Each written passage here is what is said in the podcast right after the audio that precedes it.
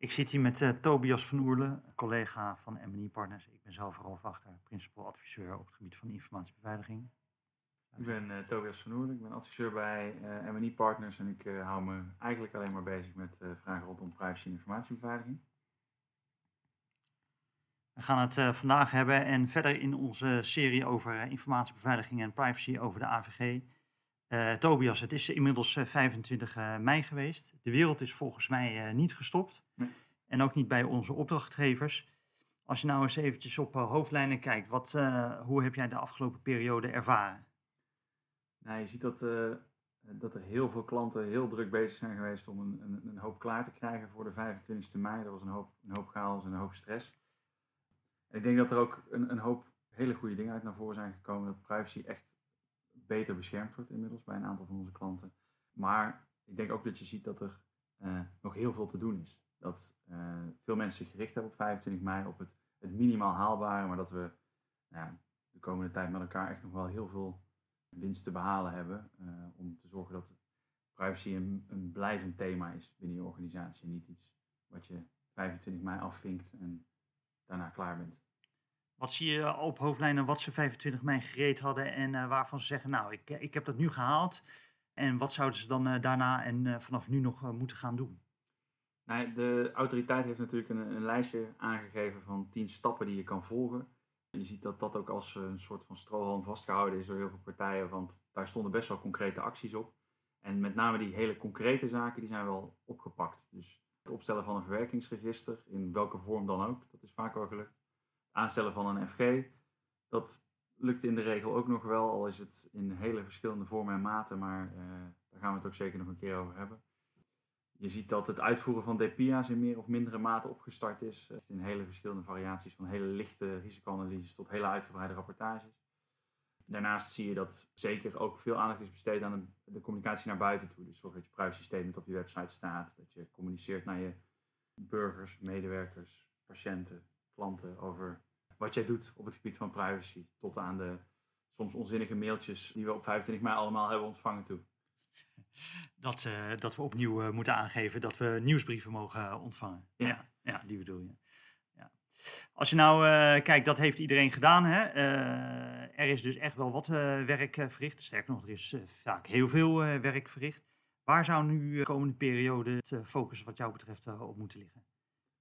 Nou, ik denk dat je ziet dat er, ons, dat er nog onvoldoende, uh, ondanks dat er wel DPIA's zijn gedaan, dat er onvoldoende besef is binnen organisaties waar nu echt nog de aandachtspunten liggen voor het komende jaar.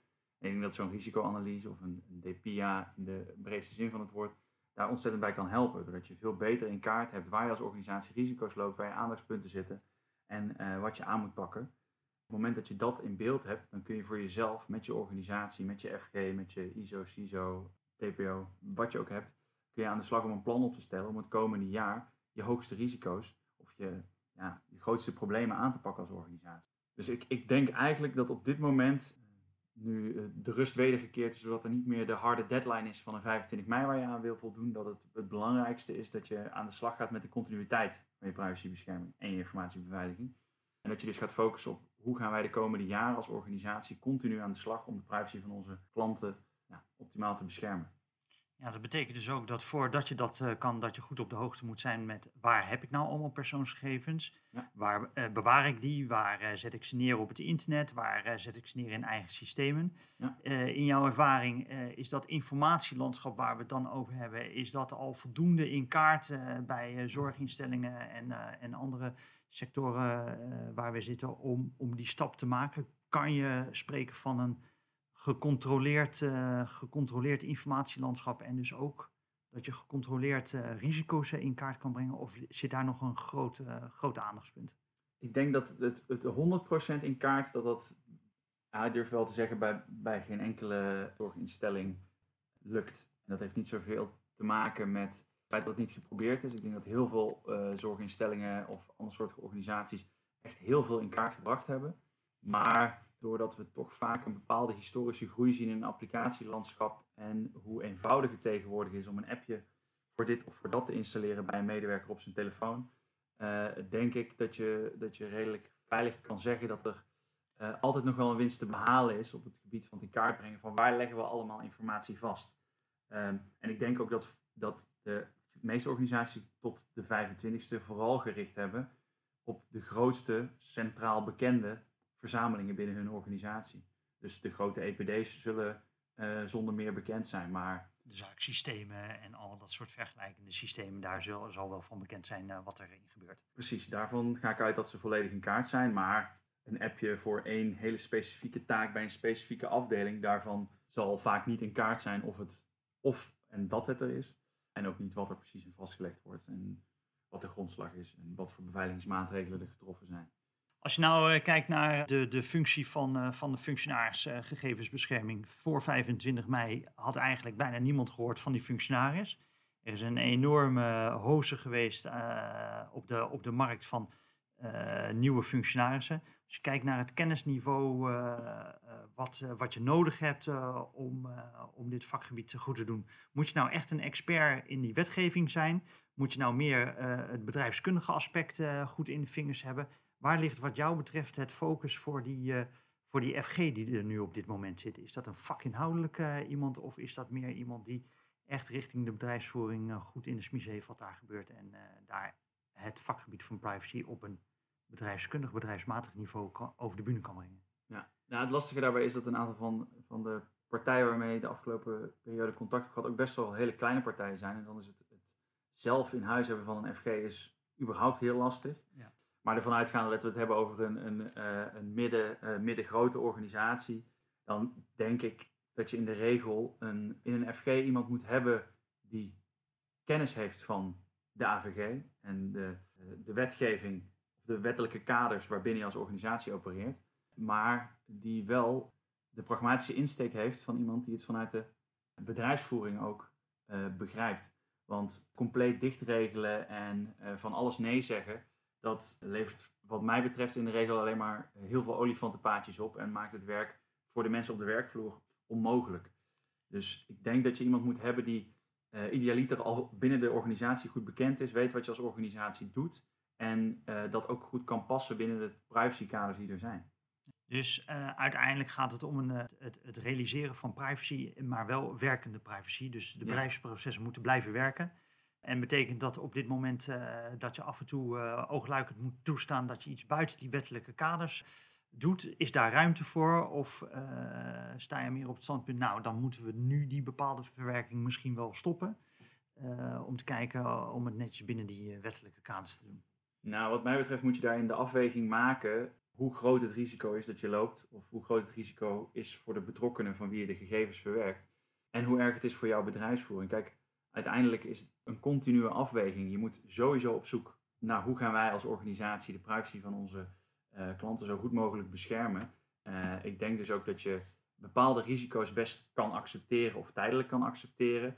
Uh, als je het hebt over structureel accepteren, moet je daar echt ook over in overleg met de, de autoriteit.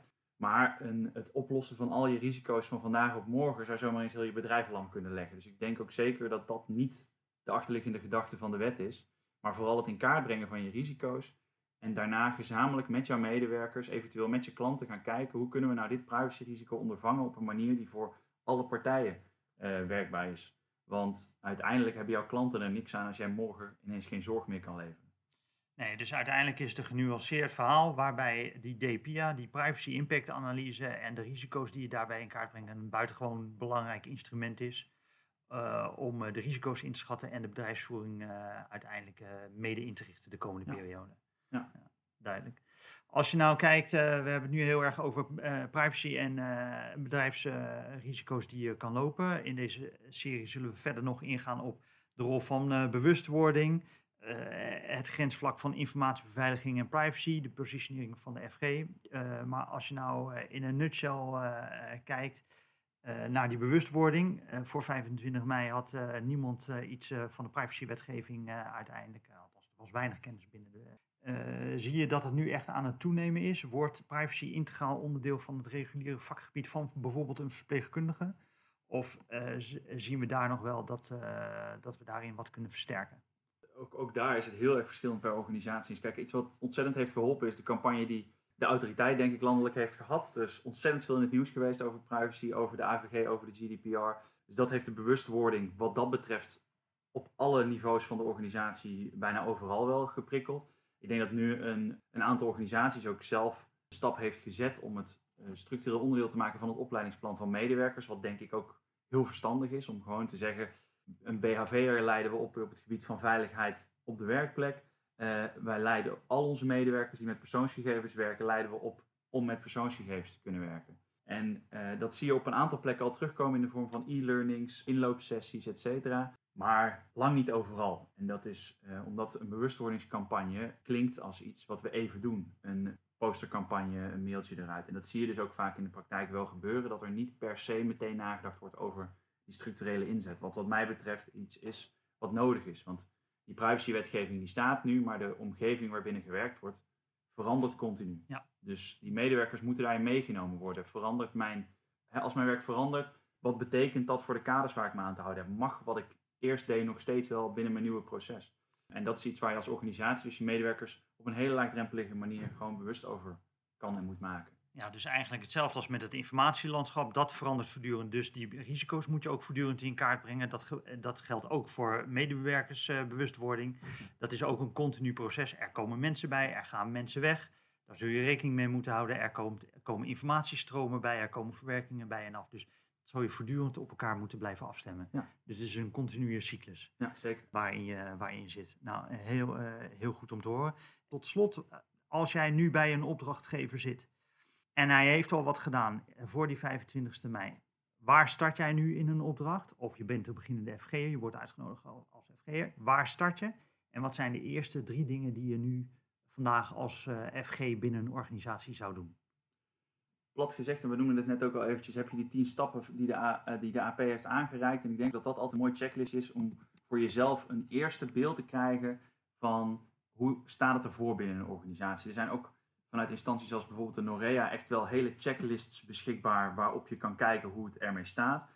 Wat mij betreft gaat dat vaak zo diep dat dat voor een eerste dag, maar ook zeker voor de gemiddelde organisatie, veel te ver gaat.